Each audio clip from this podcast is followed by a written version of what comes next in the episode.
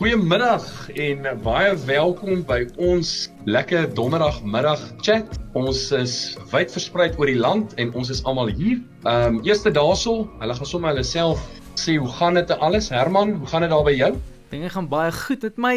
Dinge is lekker lewendig in Lichtenburg. Dit's 'n bietjie koelerig, maar ek moet my my baadjie aan hê, maar dinge gaan baie goed. Dankie. Baie lekker. Rudolf, ons is daar by jou. Gaan goed plofkrag en Potchefstroom wat lyk my ons uh, ry met ons uh, hoe gaan dit? So nee, hier ons is ons amper op ons volgende swangerskapssituasie. Ons het visse vir Abby gekoop en al drie die wyfie gappies is swanger, so ek wonder wie gaan eers kraam die gappies op my vrou. So hier is ons aan die bol. Wat sê jy? Hoe voel julle hom? Wat is die die datum? Die uh, gappies het gister gesê hy Dok het gister sê hy is verbaas soos ons teen volgende week Woensdag nie ons baba seentjie vashou nie. Jo. Die datum is 13de. So is eintlik einde. My ma sê sy dink ag, karre sê dalk nog bietjie vroeër. So ons staan gereed vandag toe my vrou my video call om te vra of ek middagete kom doen toe dog ek ons gaan hospitaal. Jo. Oh, dis dis awesome. Jacques? Ja, nee, ek gaan goed. Nog hier op die plaas ook saam met ou Herman. En uh ek sit weer bietjie buite vandag. Dit is lekker weer. Dis eintlik binne in die huis kouer as buite die huis. Ja, ek sien so. Huis. Jy sien, ja. Dit is actually mm. Maar uh, ja, verder gaan dit lekker, dit gaan lekker rustig hierso. Ek uh, gaan ook aan met al die dinge hierso en ons swat aan en ja, gaan goed. Nou, daar's daar's twee tekste waarby ons stil staan van dese week. En dis 1 Korintiërs 5 al 13 verse, nie 1 Korintiërs 15 al 58 verse nie. 50 verse.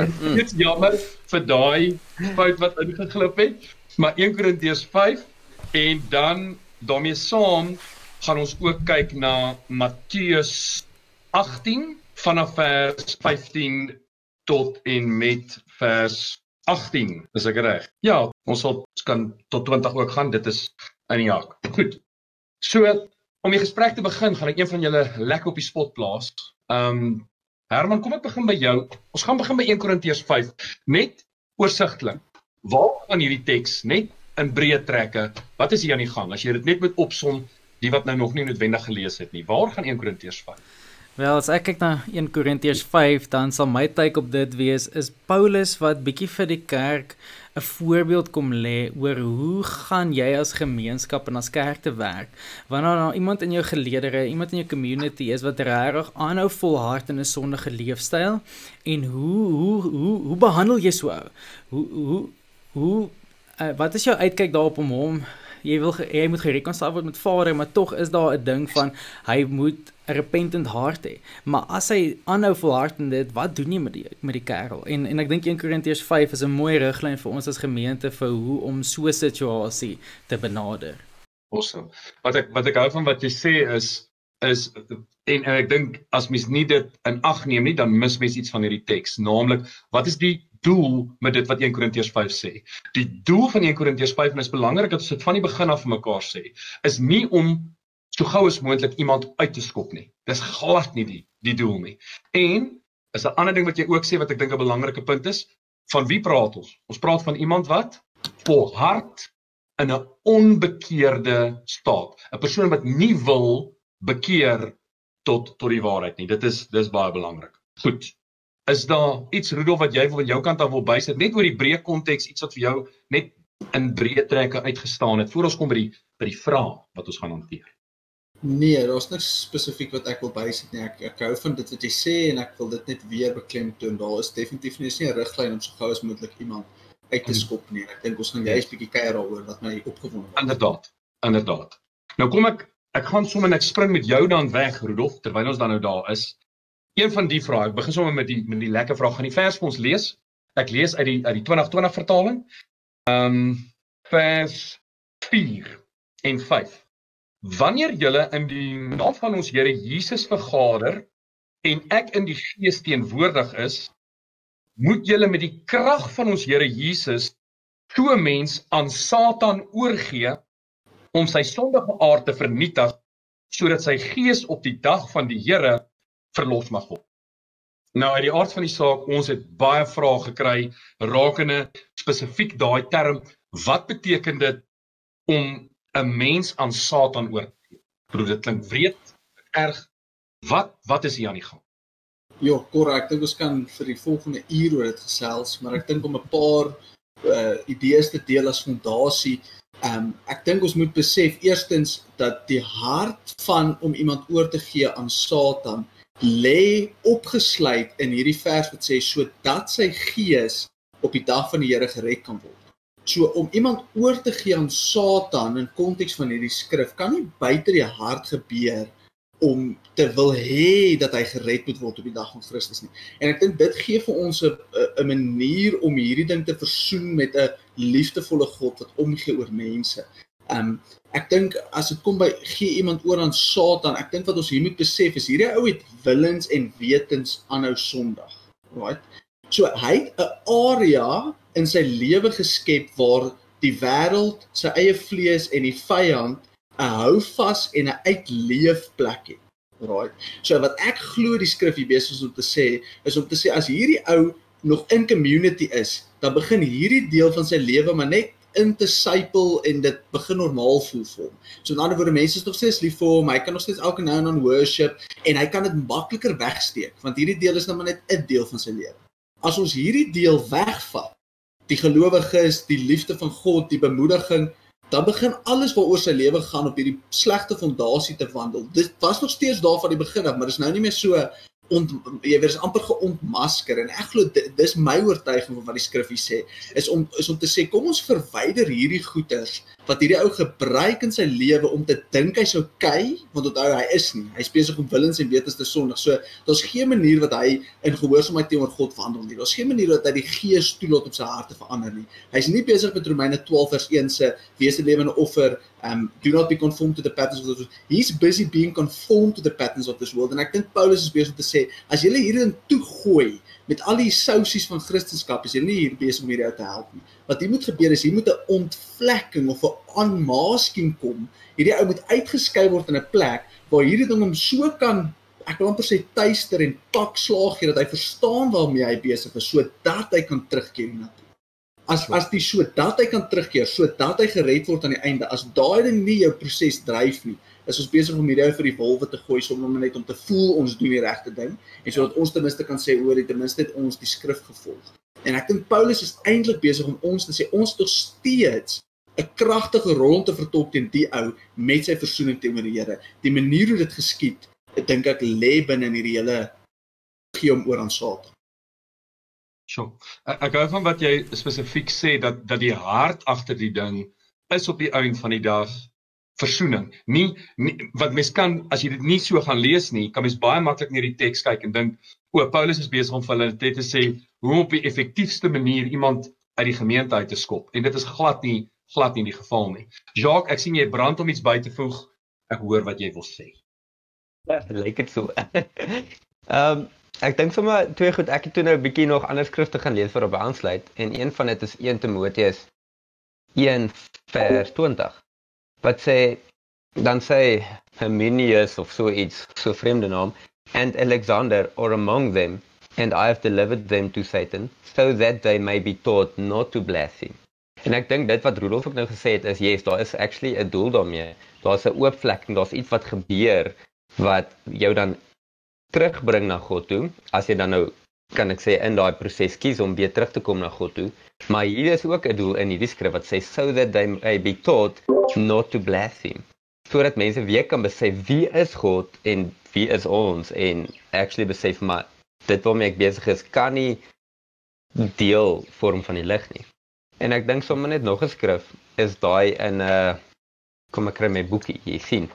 En in 2 Korintiërs 2 dan praat Paulus ook en, en hy praat dan nou in daai deel van wanneer iemand terugkom, wanneer iemand weer wanneer hulle bekeer en hulle het, hulle kom terug in die gemeente in om hulle dan weer te, te restore en hulle terug te bring en hulle terug te verwelkom.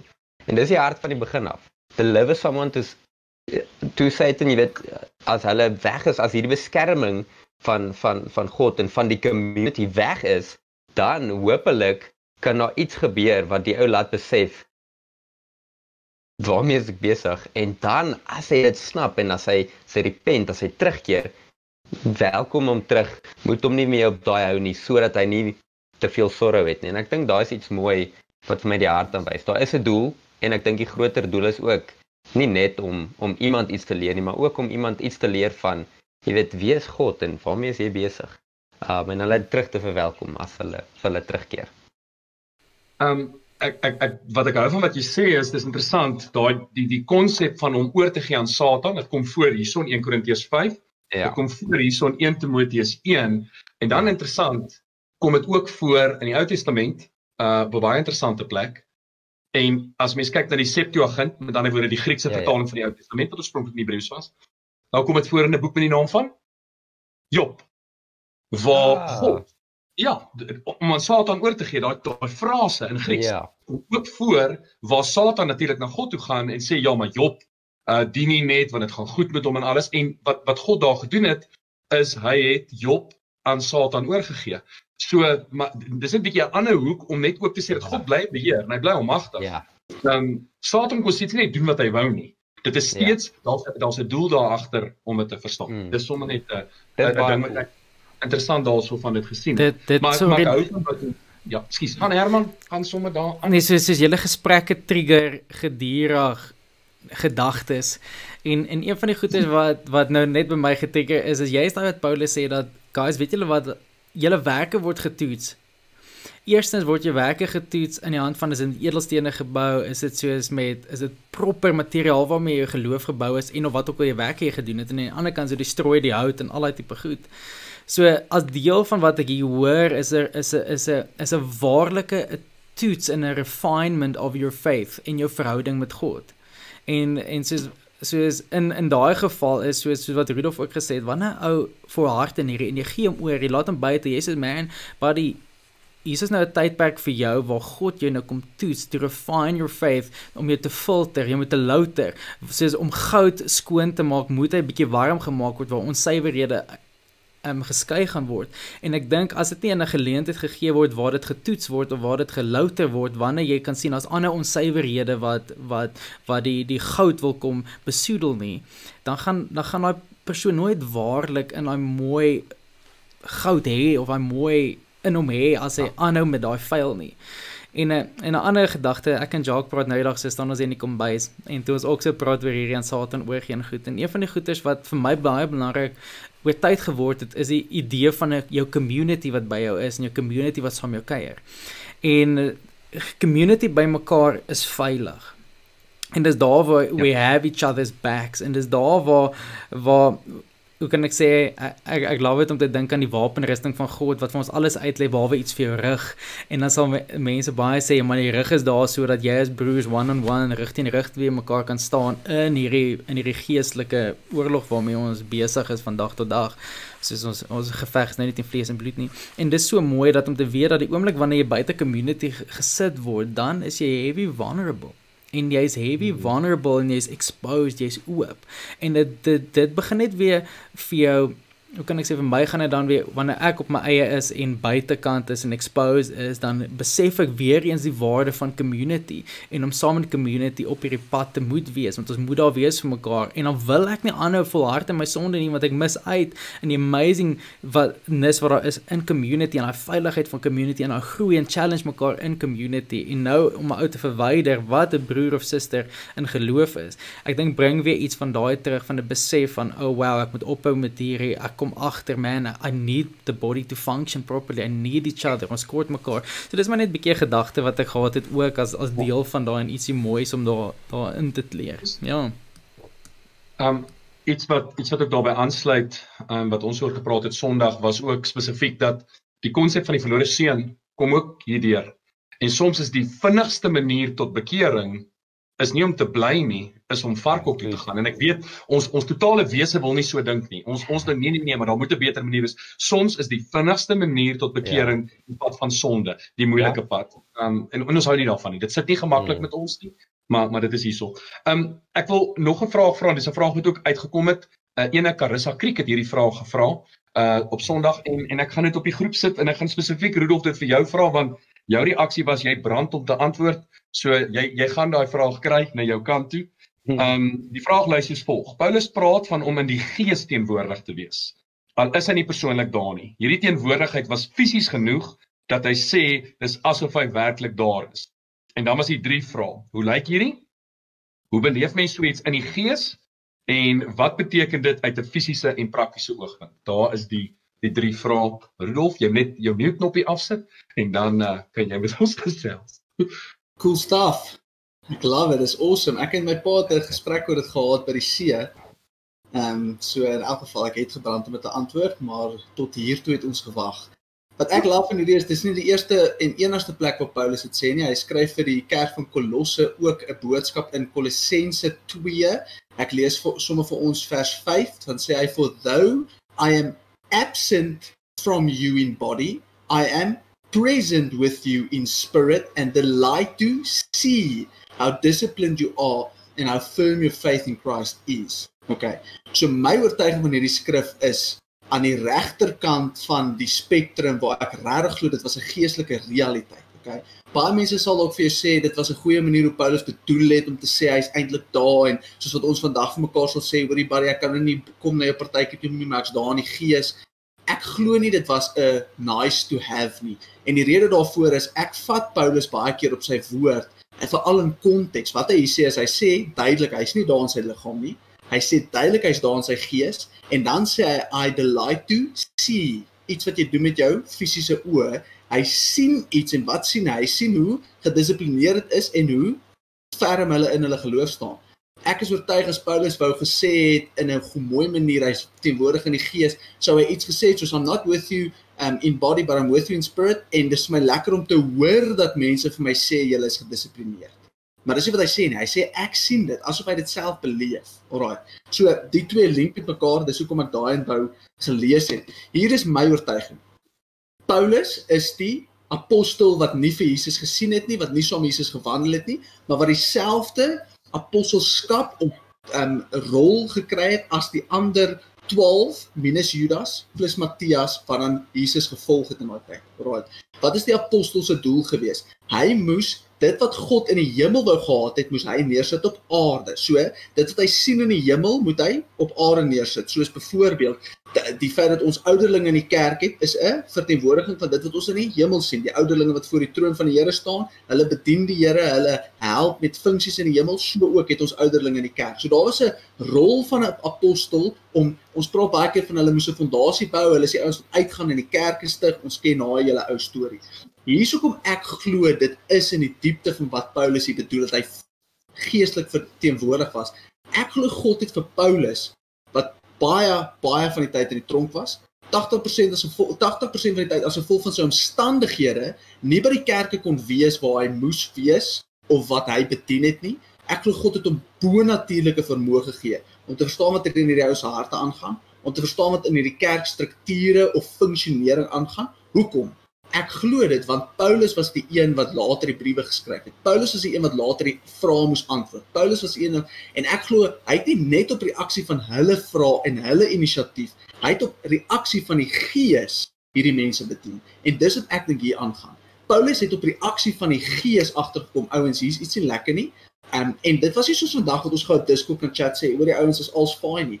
Ek dink hy was in tune genoeg dat die Gees hy wat apostel was oor die gentile um community van daai tyd, hy het die apostelskap van daai ontvang.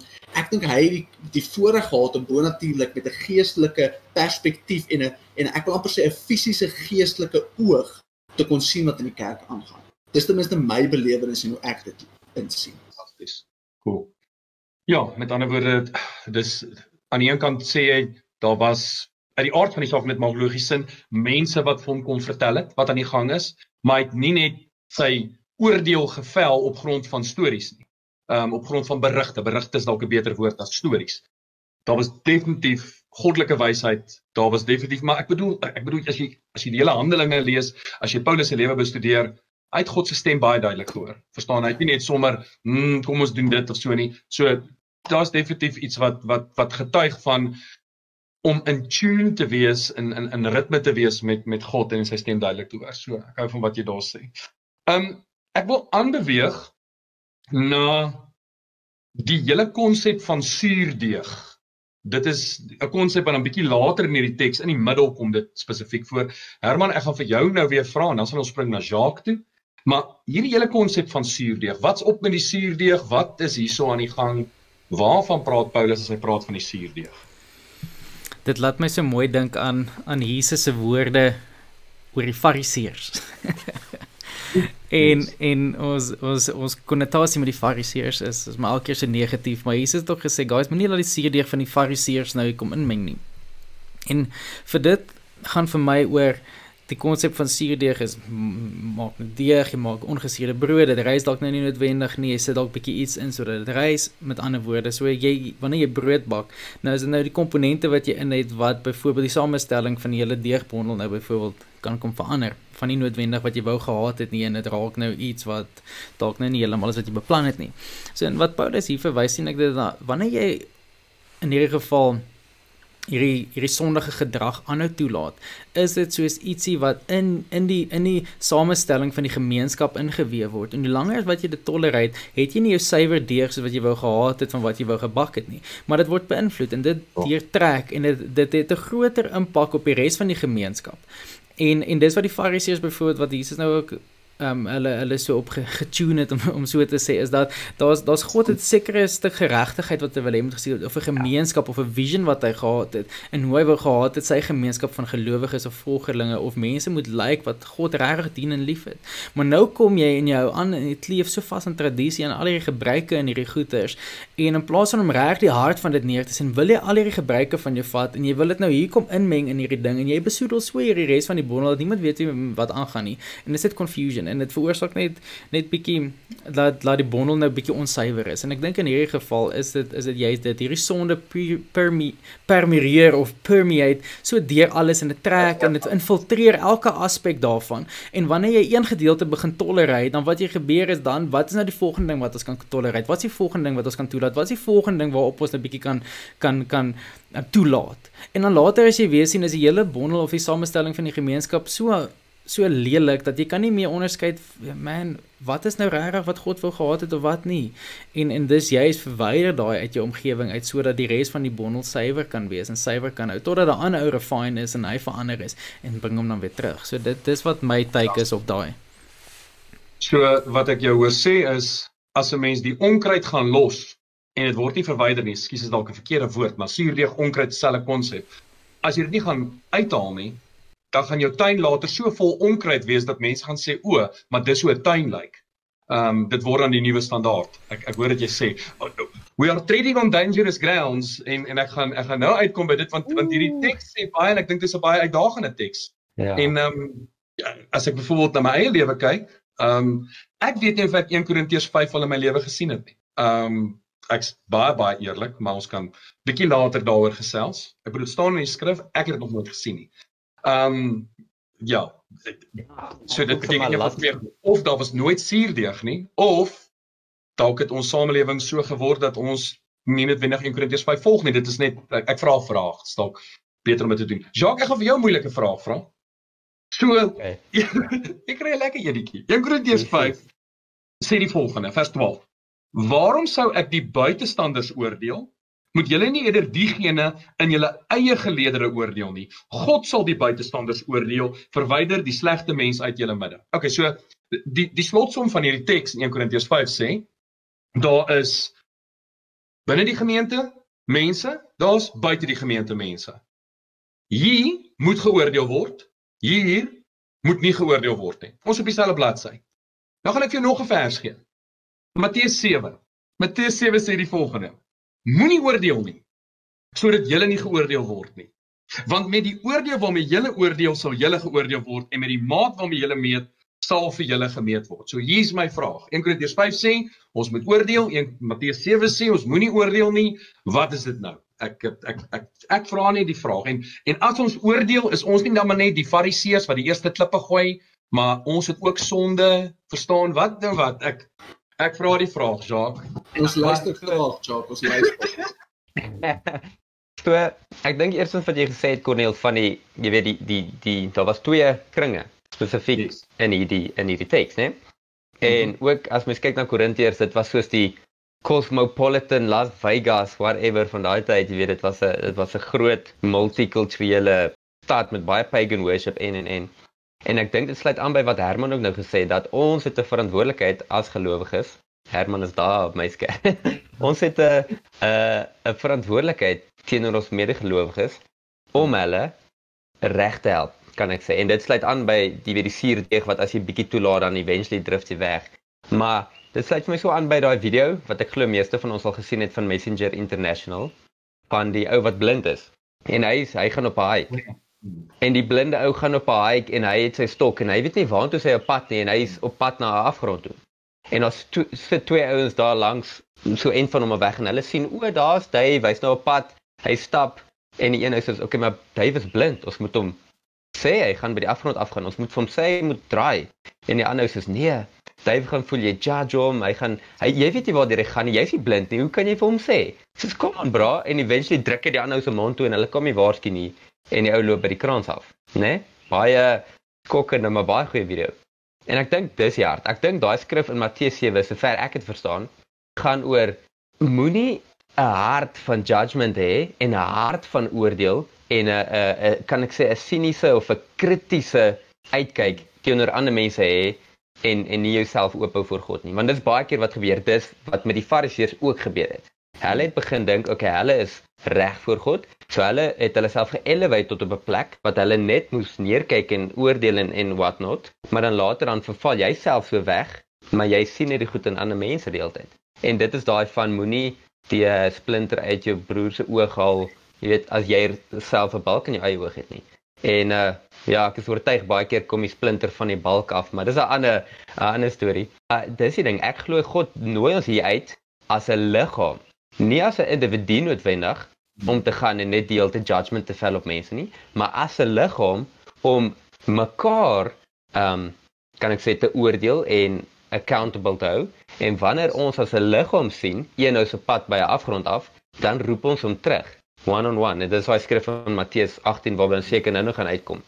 En uh ja, so daar's 'n hele proses daarvoor. So ek dink hierdie is meer 'n formele of nie noodwendig formeel nie, maar dis meer 'n proses met 'n hart van restoration as net 'n oordeel vel van jy verkeerd en ek's reg. Ehm um, so die die lyne is fyn, maar ek dink as mense jou eie hart ondersoek en ek dink die motief daar agter is wat dit als saak maak. Want op die ouende wat ek ook al besef het as mens, daar was 'n tyd in my lewe wat ek hiperkrities was op mense. Dit is ook net maar oor ek het 'n agtergrond kom waar mense maar baie hipokrits is, kan ek dit nou maar so sê. En ek het so krities begin word dat ek het naderhand my hart was nie om mense terug te wen nie, maar my hart was om die verkeerdheid net jy weet aan te spreek. En as mense net die verkeerdheid aanspreek sonder om iemand terug te wen, what's the hmm. point? Of sonder om kan ek sê die kerk, jy weet God se beeld ook meer te suiwer, what's the point? Nothing. Ehm um, ja, dis dis maar my eerlike opinie daaroor. Jacques, well done. Ek dink jy jy die jy die moeilikste vraag tot op hede gekry vanmiddag en ek dink jy het baie mooi beantwoord en en wat ek hoor is en en ek dink dis wat dit dit is nie so clear-cut nie. Dit is daar's balans. Want ja. as jy oorhel na die een kant toe as ek jou reg hoor, dan ja. is jy die kritiese ene wat die hele tyd gaan fout soek in ander mense se lewens. Yes. Dis nie God se hart nie. Die ander kant van die pendulum, hierdie kant toe oorswaai is Almal het sonde, niemand is perfek nie. Ons on, ek kan niks oor niemand sê nie. Ons is ja. maar net so. Maar dit lei daartoe dat mense by die afgrond af yes. val omdat daar niks gesê word nie. Ja. So iewers is daar 'n fyn lyn wat uit liefde ja. uitgebore word en op die einde van die dag ek hou van wat jy ook sê daar's 'n mate van accountability en ek hou van wat jy sê die hart daar agter is restoration. Dis nie yes. om vir die wêreld te wys ek's beter as hulle nie, maar ja. spesifiek ek sien hierso is iets wat nie lekker is nie, kom ek hanteer dit. Ja. Rolf, en jy en en ja, okay. Sê. O, en ek wil net die laaste ding sê, sorry Cora, voor jy aangaan wat daarbey aansluit. Eers weer Rolf uh, hier dan. Want ek dink een ding wat so cool is, Paulus praat mos in 1 Korintiërs 13 dan sê and I will show you yet a better way. Beter, lekker. Maar I will show you a better way. Better way. En ek ja. dink daar is iets daarin vir verborge menende dat as jy jy weet as jy iemand reghelp daar's iets van jy moet hulle 'n beter pad wys. Jy moet hulle ek dink baie keer is dieselfde as al probleme is somewhere. Moenie net kom en die en die, die probleem uitwys nie maar show a better way. Gee die oplossing gee die jy weet gee gee 'n better way. En ek dink dis ook sommer net cool om daarbey aan te sluit. Fantasties. Rudolf Herman wil jy iets byvoeg op op dit wat Jacques gesê het? Ja, ek um, ek dink 'n klomp skrifgedeeltes kom nou sommer so in my gedagtes op soos ek luister wat hy sê. Ek dink jy het baie goed geantwoord want ek dink dit dit is 'n tension en en ek het eintlik al op 'n punt gekom my lewe waar die Here vir my gesê het jy weet learn to love the tensions want daar's 'n tension tension tussen ja. holiness en grace tension ja ehm um, tussen 'n klomp goed in ons in ons hmm. geloof tussen trust die Here hy weet wat jy nodig het versus bid en sê vir hom wat jy nodig het ja. al die tensions en ek dink is great want want dis in Christus wat ons dan die antwoorde kry. Dis nie 'n hmm. O, ek het die antwoord ek kry dit. Dis in daai verhouding met hom wat ja. ons binne daai tensions baie keer in ons lewe op 'n punt kom wat ons moet besef die Vader weet so relax en baie keer op ons lewe op 'n punt kom wat ons besef my hart en my gebede kan die Vader se hart in my lewe draai na 'n plek van deurbraak kom ek bid vir hierdie ding. En dit gebeur in verhouding. Ek dink 'n paar goed wat opkom. Ek dink dadelik aan die gelykenis van die man wat soveel vir ehm um, vergewe is en dan gaan hy en hy gaan na iemand wat hom iets skuld en hy hou hierdie ou, eintlik maar accountable in 'n in 'n sense of judgment. Hy hy hy cast the judgment om te sê jy sal nog steeds vir my terugbetaal. En ons weet wat die uiteinde van die storie is Jesus sê die meester sal hom in gevange hou tot hy elke liewe sent terugbetaal. Ehm um, so ek dink ons moet mooi gaan onderskei hoe lyk hierdie judgment waarvan waarvan die Here praat wat ons nie moet doen nie en hoe lyk dit eh, wanneer ons dit wel moet doen. 1 Korintiërs 5 is baie duidelik, nooit judgment na die wêreld toe nie. Nooit na ateërs toe kyk en sê ek kan nie wag tot jy hel toe gaan nie want jy verdien nie om die Here te ken nie. Nee, na daai ou kyk ek en ek bid vir hom vertrou die Here ons sal encounter. Ek hanteer hom in liefde soos wat Jesus self die mense wat hom gekruisig het gesê Here, moenie hierdie mense se sonde en hulle dade teenoor hulle teenoor hulle inkeer of of jy weet save them or, or forgive them from their sins. Maar hierdie ou het in in die gelykenis het iets van sy eie vergifnis vir God nie gesnap nie en het, het, het sy dade teenoor sy broer het getuig van die feit dat hy nie God se vergifnis in sy eie lewe gesnap nie en daarvoor het hy die prys betaal. So ek dink wanneer dit kom by onvergewensgesindheid en dit en 'n stuk judgement wat daar lê, ek judge my ouers want flip en hulle het my nie reg groot gemaak nie. Of ek hmm. ek judge my ex-meisie want sy het my hart gebreek en nou kan ek nie oor dit kom nie. Daai judgement wanneer dit kom by 'n plek van onvergewensgesindheid, ja. is God baie duidelik. Maak ja. vry jouself daarvan af Want as jou aksies getuig dat jy verstaan nie die Vader se vergifnis deur jou eie lewe nie, leef jy in 'n realiteit buite God se vergifnis. En God wil dit nie hê nie. God nooi uit om binne daai realiteit te leef.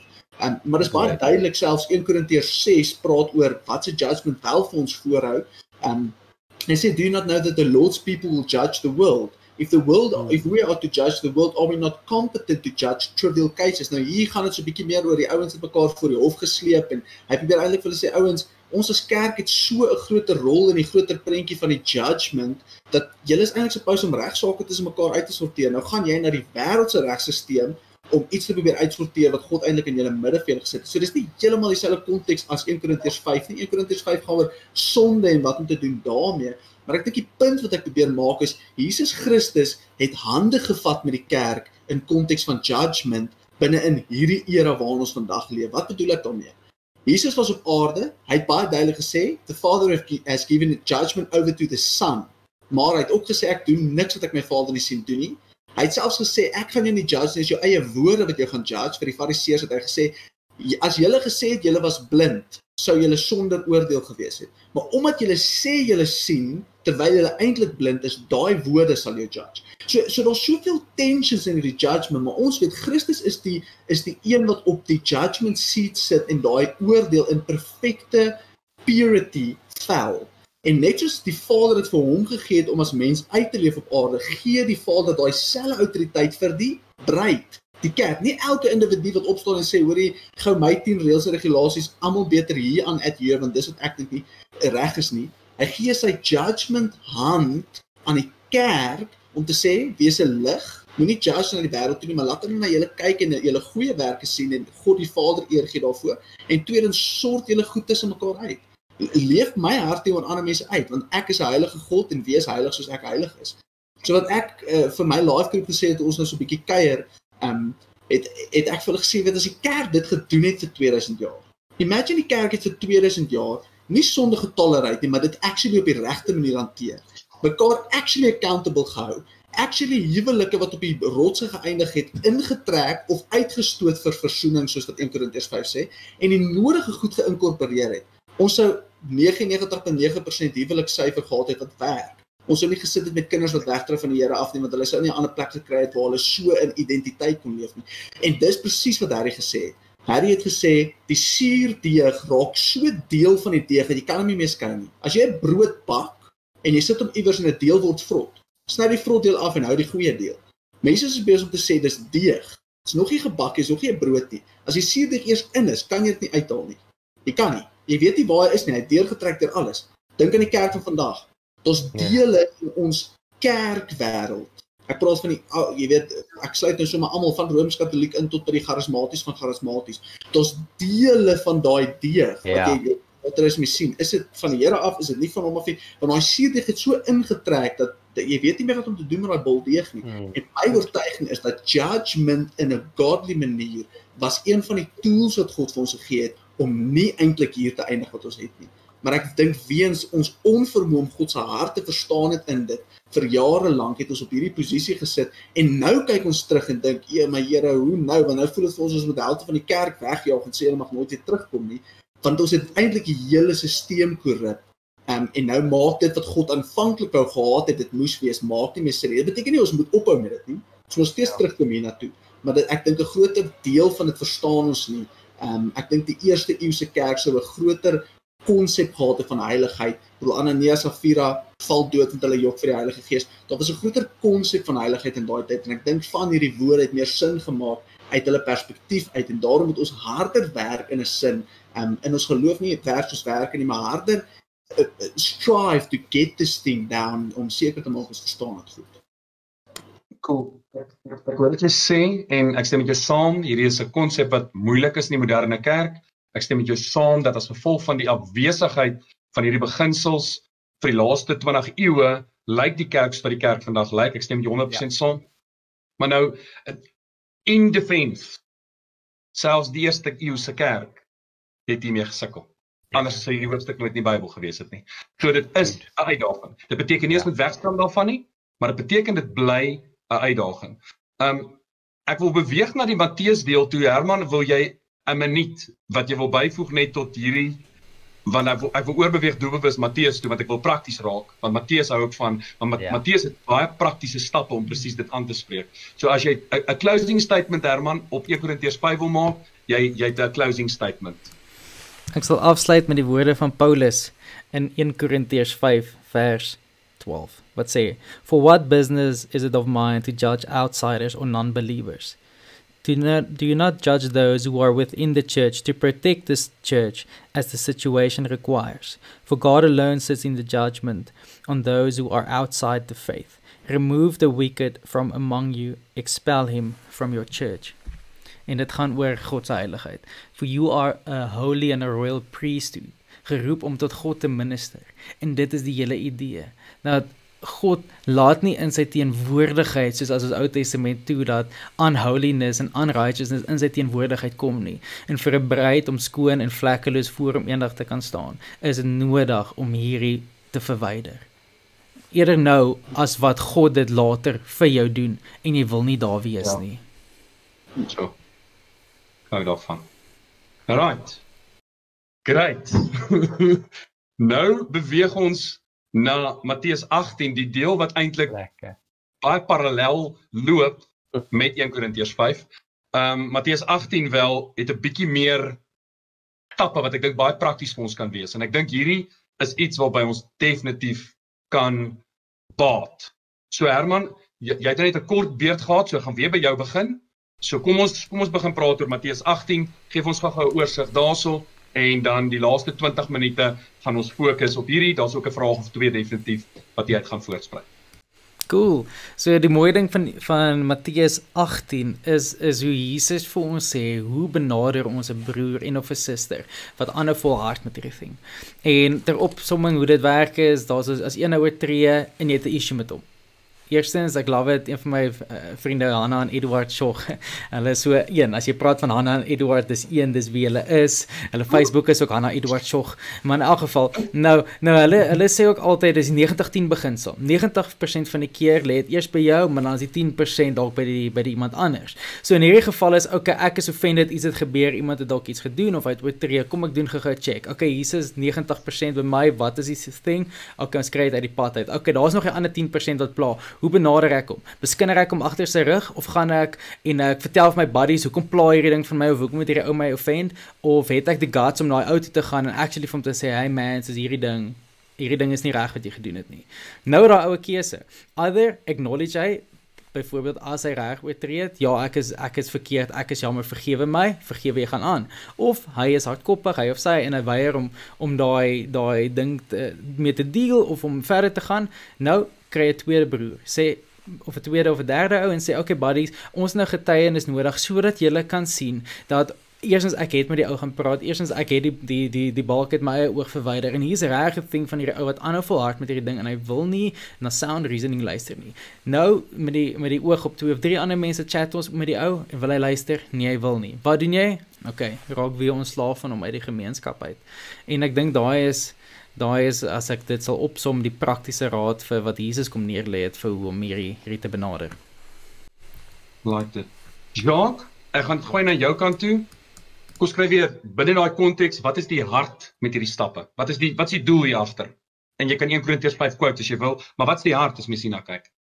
Kom. Ek dink sommer as mens kyk na die die opskrif van die die deeltjie of die perikopie is mos nou die mooi woord daarvoor, maar die deeltjie in Matteus 18 vers 15 tot 20 sê restoring a brother in my Bybel net.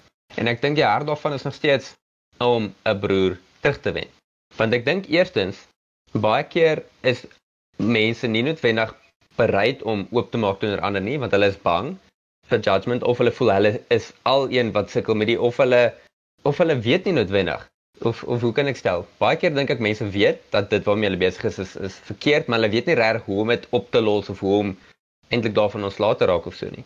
En ek dink die hart daarvan is wat Herman nou gesê het om nie dan te gaan mense te beskinder en en en nie want ek dink ek het eendag 'n storie gehoor van 'n ou wat ook vir een of ander persoon in sy gemeente iets moes moes aanspreek voor maar hy wou nie toe gaan berei hy 'n hele preek voor jy's daaroor en en en ek dink die punt hiervan is om dit duidelik te maak so dis tussen jou en die persoon jy weet in in hierdie geval dis nie nodig om met Jannie te gaan praat oor wat Sunny gedoen en en en en en ek dink as as ons as kerk dit doen, gaan ons baie meer mense beskerm, gaan ons baie meer mense se se staf nie, jy weet daar gaan minder geskinder wees, daar gaan minder stories wees.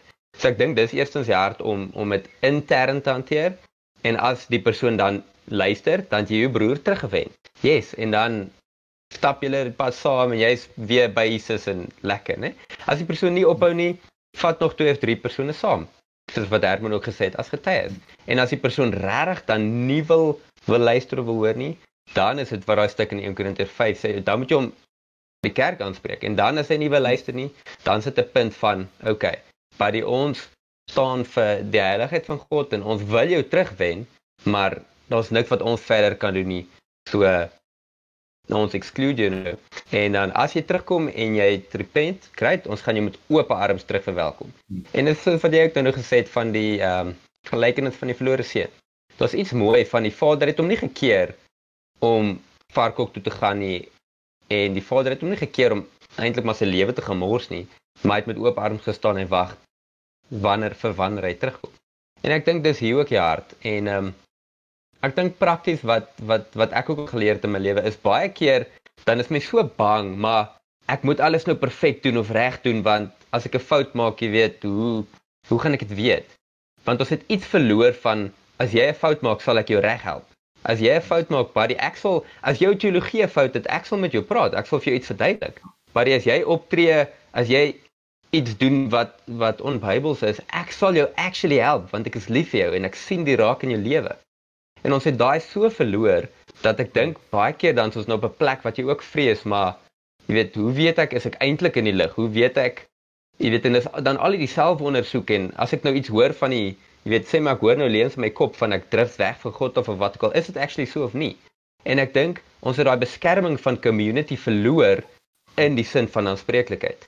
Dat hy, ons het jou lief genoeg om jou te aanvaar in jou goeie en slegte, maar ons het jou ook lief genoeg om jou altyd actually reg te help. Ehm um, as ons sien daar's iets in jou lewe wat wat wat fout is. En ek dink die mooi ding is wat wat ook daarvan wat ek op prakties in my lewe gesien het, ehm uh, dis nie maklik nie, maar ek onthou 'n keer of wat wat die Here dit op op my hart al gedruk het om direk met 'n persoon te gaan praat oor iets wat ek weet um, in hulle lewe aangaan. Het sy of jy dit weet deur 'n woord van kennis en jy vra of hulle dit is so of het sy of jy dit fisies sien in hulle lewe.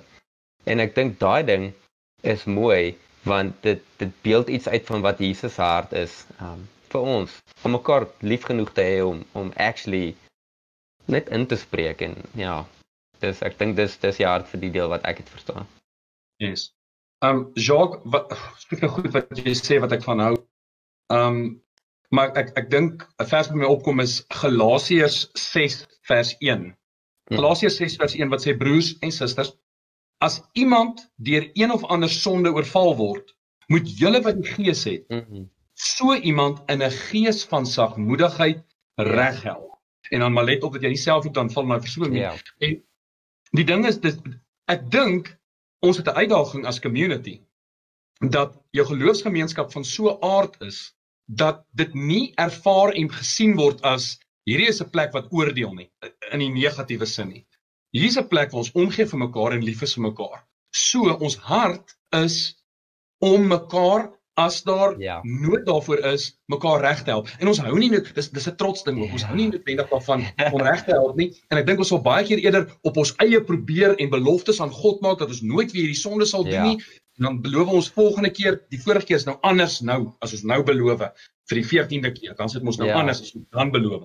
Ehm um, maar ons probeer dikwels op ons eie hierdie goeders doen plek van om die maskers af te haal en transparant te wees. Maar in hierdie geval, as ons kom by Matteus ja, 18, hierso het ons 'n situasie ehm um, waar die Sondag plaasvind en jy word bewus daarvan.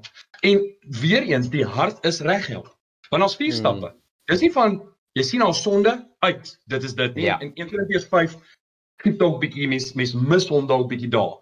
Maar daar's daar stappe. Daar's 'n one-on-one en dan die persoon luister nie. Met ander woorde, die ja. persoon eer nie ignoreer dit. Met ander woorde, hierdie persoon volhard in sonde. Ja. Nou gaan ons met 'n getuie of twee. Dan die gemeente en dan eventueel gaan ons sê, luister jy, jy is nie meer deel van ons fellowship nie. Maar weer eens, en hier kom daai vraag, selfs wat ek gevra het oor 1 Korintiërs 5. sien ons hierdie wat hier beskryf word in die kerk van vandag? Um, ek ek vra daai vraag. sien ons dit? En dit maak dit baie moeilik en dan dit aan die einde laat hom wees soos 'n heiden en 'n tollenaar. En hoe hanteer ons heidene en tollenaars? In liefde bid vir hulle. Wil hy hulle moet terugkom. Dit is dis die hart. So dis 'n challenging teks as jy tot by vers 18 kom. Ons gaan nou by die res uitkom. Ehm um, maar maar dis daai ding van as ons hierdie kan snap, glo ek sal ons 'n gesonder gemeenskap wees. Sal ons 'n meer deursigtige gemeenskap wees En en vanoggend toe vra Elmar Hoeka hierdie vraag op 'n groep wat ons het. Wat is die verskil tussen eerlikheid en deursigtigheid? Ehm um, en en eerlikheid is nie die vraag nie. Die deursigtigheid is die vraag. As ons bereid om transparant te wees, om te kan sê manne, broers, susters, hier's dinge in my lewe wat wat nie in plek is nie. Ek het ek het reg hulp ek het reg helping nodig in in hierdie area van my lewe. Maar ons is baie keer ons is dom. Dwaas is seker 'n meer polities korrekte term om te gebruik, maar ons ons kies om die pad self te stap waar ons ja. broers en susters het wat daar is, nie net wat ons kan help nie, maar wat ons wil help. En dan as hulle dan uit hulle eie uit help, dan beleef ons dit as as oordeel. En en dit, dit is ons ons missiepunt. Maar ja, want dit is so, jy het van Galasiërs 6 vers 1 gepraat. En Galasiërs 6 vers ja. 2 sê ons dra mekaar se laste en vervul so die wet. Wat gaan oor as liefde, jy weet, Trump eintlik die red van die staf. En dit is juist daaroor dat as jy in liefde iemand reg help, dra jy ook sy las. Daar's iets van soos wat jy sê om dit nie alleen te dra nie. Ek dink met dit en op daai punt dink ek vir die wat kyk en wat deel is van ons gemeenskap, ek dink dit is 'n dis 'n oop uitnodiging. Ek dink dis dis ons harte ook dat ons daai deursigtigheid sal hê om te kan sê luister hier hierdie is 'n veilige gemeenskap en as dit nodig is om met iemand te gaan praat, doen dit. Ek bedoel dan dit sluit eintlik aan by laasweek se gesprek. Ons kan nie mekaar help as ons nie weet wat in mekaar se lewens aan die gaan. Um om om binne die gemeenskap dit dit te kan doen en en as hierdie ding werk, my vriende, hierdie sal 'n wonderlike wonderlike wêreld wees. En dan kom ons by dit wat julle van gepraat het oor die heiligheid van God. Dan gaan die ruimte wees vir suurdeeg nie. Want ons gaan die suurdeeg soek en ons gaan dit uitroei voordat dit kan deursuur die die hele baksel deeg. O, oh, dit sal wonderlik wees. Ek so een of twee gedagtes wat ek kan dink. Hou vir dit. Eerlikheid, deursigtigheid. As jy my vra, so ek gesê eerlikheid is soms reaktief. Deursigtigheid is proaktief. Wat bedoel ek daarmee? Ek bel jou kor, ek sê vir jou, "Hey buddy, hoe gaan dit met jou?" Nou kan jy eerlik wees deur te sê dit yes. gaan sleg, goed, whatever, middelmatig.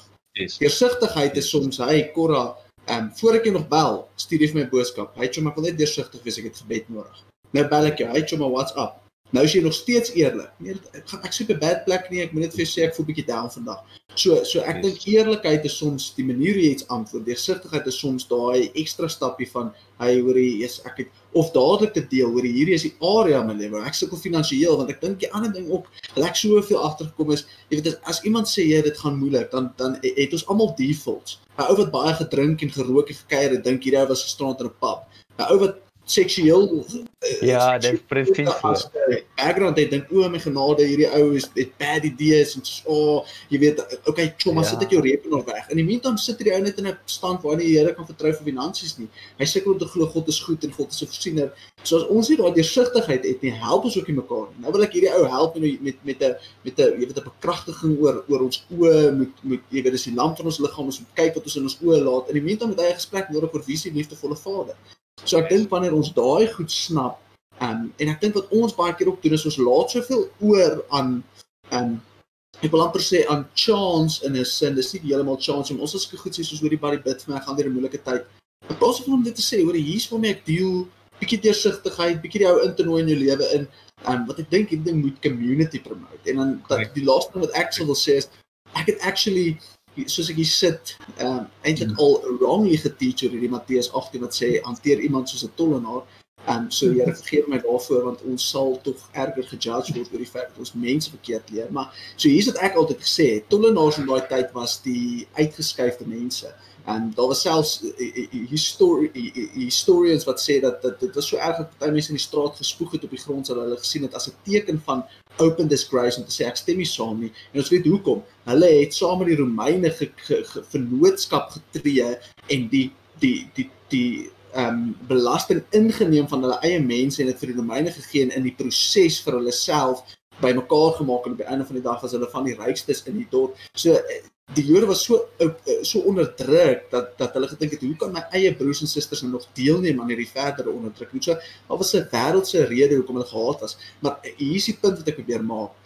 Ons moet versigtig wees om te kyk na die Ou Testament en wat gebeur het en dink ons moet optree soos mede-Jode. Wat bedoel ek daarmee? Ons moet versigtig wees om te dink Jesus het bedoel jy moet die die tax collectors hanteer soos die Jodendom dit in daai tyd hanteer. Dis nie wat hy sê nie wie is die baar wat ons volg? Jesus Christus. So hoe moet ons 'n uh, tollenaar en 'n heiden hanteer? Wel soos Jesus hom hanteer het op aarde. Wie het Jesus gevolg? Matteus. Wat was hy? 'n Tollenaar. So hoe hanteer ek iemand so tollenaar? Ek wil hy moet op bekering kom en 'n Nuwe Testamentiese boek skryf. Dis hoe ek hom hanteer. Ek wil hy moet 'n pillar in die church wees. Ek wil hy moet een van die naaste solidste overseers word in 'n kerk en ek wil hy met 'n mega church lei en mense sien tot bekering kom. Dis hoe ek 'n tollenaar hanteer. Um en ek ek dink aan judgment dan dink ek aan aan aan aan die vrou met die klippe ons het gepraat oor die oor Johannes 6 die vrou met die klip Johannes 8 sorry vrou Sondag klippe ons weet sy die eh, die fariseërs het die wet verkeerd hanteer daar hulle moes die man en die vrou gebring ja. veroordeel hulle het net die vrou gebring so klaar in hulle harte is daar iets nie reg nie klaar wil hulle Jesus in hierdie spin sit en dan kom hy met 'n amazing wysheid laat die een wat nie son net die eerste klip en dan loop hulle weg maar die punt wat ek probeer maak is ons dink baie keer Jesus as 'n genadige man op daai stadium obviously dit is hy skot man daai stadium met sy hom gesien as 'n genadige man het volgens hy gou vir dit lekker jy weet sterkte awesome ek oor dit ook nie maar ons iets wat ons baie keer mis hy het vol gesê go and sin no more hy het actually 'n lewe van heiligheid ge uh, waarde toegevoeg aan dit in daai oomblik hy het dit gevalue daai oomblik genoeg om dit vir iemand te kan sê en ek dink wanneer dit kom by judgment sukkel ons om te besef die uiteinde van dit moet wees go and sin him. Go and understand God is holy. Go and be the righteousness of God which you are called for, soos 2 Korintiërs 5 sê. En ek dink as ons daarin in ons community kan begin sien gebeur, in ons kerk kan sien gebeur, in die global body of Christ kan sien gebeur, dat dit 'n avenue is van restoration. Dis 'n avenue of looking more like Jesus. Dis 'n avenue of shining God's heart, maar dis ook 'n avenue om te besef hierdie God van ons duld nie sonde nie. En hy's nie okay daarmee nie, maar hy is die God wat weet hoe om dit hanteer en hoe om ons vry te maak daarvan terwyl hy ons ook vergewe en in liefde vir 'n verhouding maak. Laaste paar gedagtes van my kant. Right. Herman, uh die die laaste groot woord behoort aan jou. Um ek wil 'n vraag wel vra. Um wat is 'n vraag wat uitgekom het? Gaan oor bietjie verder aan. En dit gaan oor daai deel wat sê um wat julle ook al op aarde bind sal in die hemel gebind gebonde wees en wat julle ook al op aarde ontbind sal in die hemel ontbonde wees. Daai hele deel Ehm um, daar was 'n vraag gewees. Wat beteken hierdie ek ek het jou ek sit jou dalk bietjie op die spot. Uh maar ja, daar was daar by die aard van die saak baie vrae oor dit gewees. Wat beteken daardie Herma? Nou, daai is 'n lieflike vraag. Nou Wat lekker is, ek het die amplifier hier voor my. So hy hy help my so bietjie uit in in die antwoord ja. van hierdie vraag want hy hy verwys eers spesifiek na die eerste keer wat daai terme voorgekom het in Matteus 16. 16. Mm -hmm. En en daai was ag ek glo dit dit is die gedeelte waar Jesus en sy disippels eintlik maar by Caesarea Philippi gesit het. En daar aan die voet van Berg Hermon, mm, klink op is my naam, maar in elk geval en en hoe Jesus dan met sy disippels gechat het en en waar Petrus waar Jesus vir hulle mos gevra het, "Hey guys, wie sê wie sê die mense is julle?" Party sê nee, hy is 'n profeet, Johannes die Doper wat uit die dood het opgestaan het of Elia en so aan. En en toe sê Petrus mos, "Man, jy is die Christus, die seun van God." En en Jesus sê waar daar's daar's good words soos God het aan jou geopenbaar en en en hier op uh, daai revelation van wie ek is I will build my church on that en dan dan gaan Jesus verder en hy sê I will give you the keys of the kingdom of heaven and whatever you bind on earth will have been bound in heaven, and whatever you lose or uh, on earth will have been loosed in heaven. In in die mooi ding is hoe hoe ek daai daai sien en en verstaan en interpreteer gaan vir my oor wat is lawful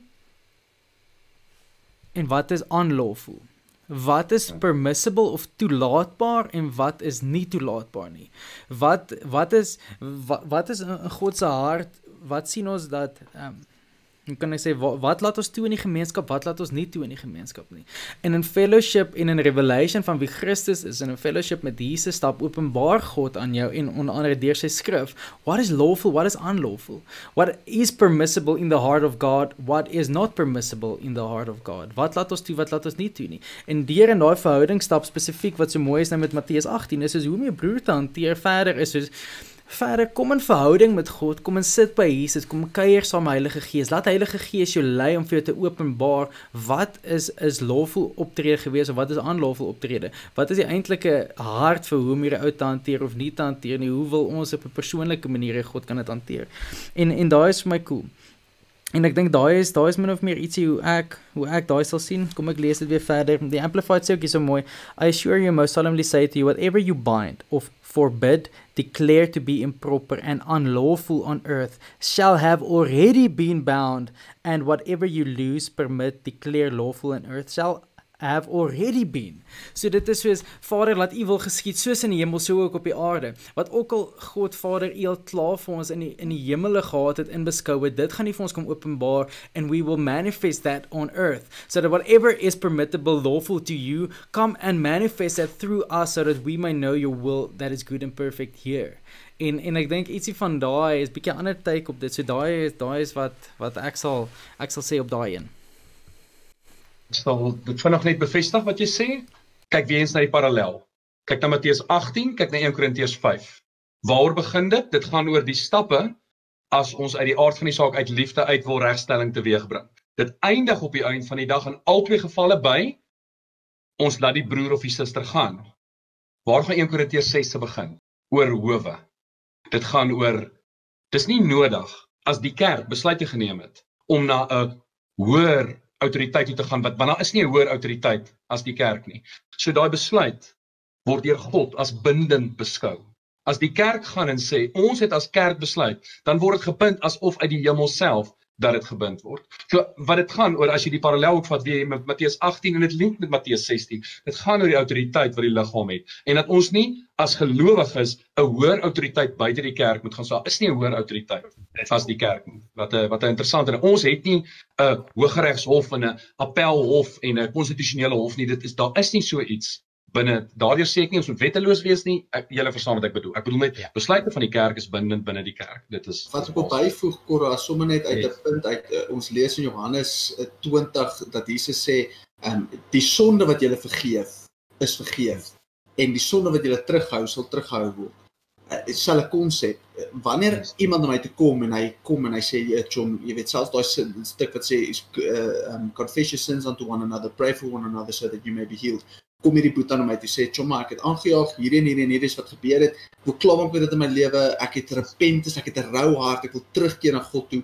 Ek bid vir hom nee Here sal u hom asseblief vergewe nie. Jesus het dit klaar gedoen hy het aan die kruis gesterf 2000 jaar terug en gekies om hierdie man te vergewe in daai oomblik het ek die voorreg met die autoriteit van God en die regstelsel van die hemel, as ons dit so wil stel, om hierdie ou in 'n vergifnisposisie te plaas. Sê Pella, hier's wat die waarheid van die woord sê. Jy het jou sonde confess unto a brother. Jy het rouheid in jou hart. Jy het repent. Ek wil vandag vir jou sê jy is vry en ek bind hierdie vryheid op aarde soos in die hemel. Hoekom doen ons dit?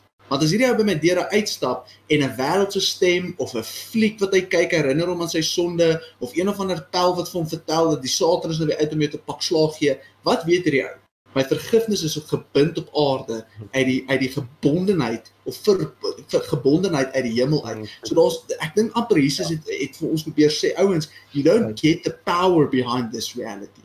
Hierdie ding is gebind in die hemel um, en hy's gebind op aarde en dis daai connection wat ek weet dat ek weet ek is gerestore soos wat die woord sê the restoration of the brother die die opskrif wat jy genoem het Jackie en en ek kan terugloop na die Vader toe en en, en dit is 'n dis 'n ek is weer verbind met hom en ek kan in daai realiteit leef. Met dit baie baie dankie. Ons het uh, 'n uh, lekker bespreking gehad en so kom ons aan die einde van ons uur. Ek ek hoop regtig dat hierdie vir ons almal iets sal kom wakker maak om te besef om onsself die vraag regtig af te vra. Ag asliefste Abigail, om onsself die vraag te vra of dit wat ons sien of dit manifesteer in ons wêreld vandag. Ek dink dis belangrik. Anders dan hang hierdie ding ook in die lug. En dat ons dalk sal terugkom by 'n punt van deursigtigheid, 'n punt van eerlikheid, 'n punt van liefde, 'n punt van 'n smag na heiligheid en om nie te wag dat die fellowship in die gemeenskap na my toe kom nie, maar om die eerste tree te gaan en te sê ek gaan transparant wees, ek gaan deursigtig wees. Hier is dit. Help en om te sien waar kan help om niemand net te sê nee nee maar ek moet terugstaan nie maar om te help. Hoekom? Nie om te oordeel nie, nie om daai kritiese benadering te hê nie, maar om uit liefde uit ons laat raak van die suurdeeg God se heiligheid net voorop te stel. So ja, ek hoop dit uh antwoord die heel wat vra en ek hoop dit lei tot nog meer vrae. Ehm um, sien julle weer op. Ja.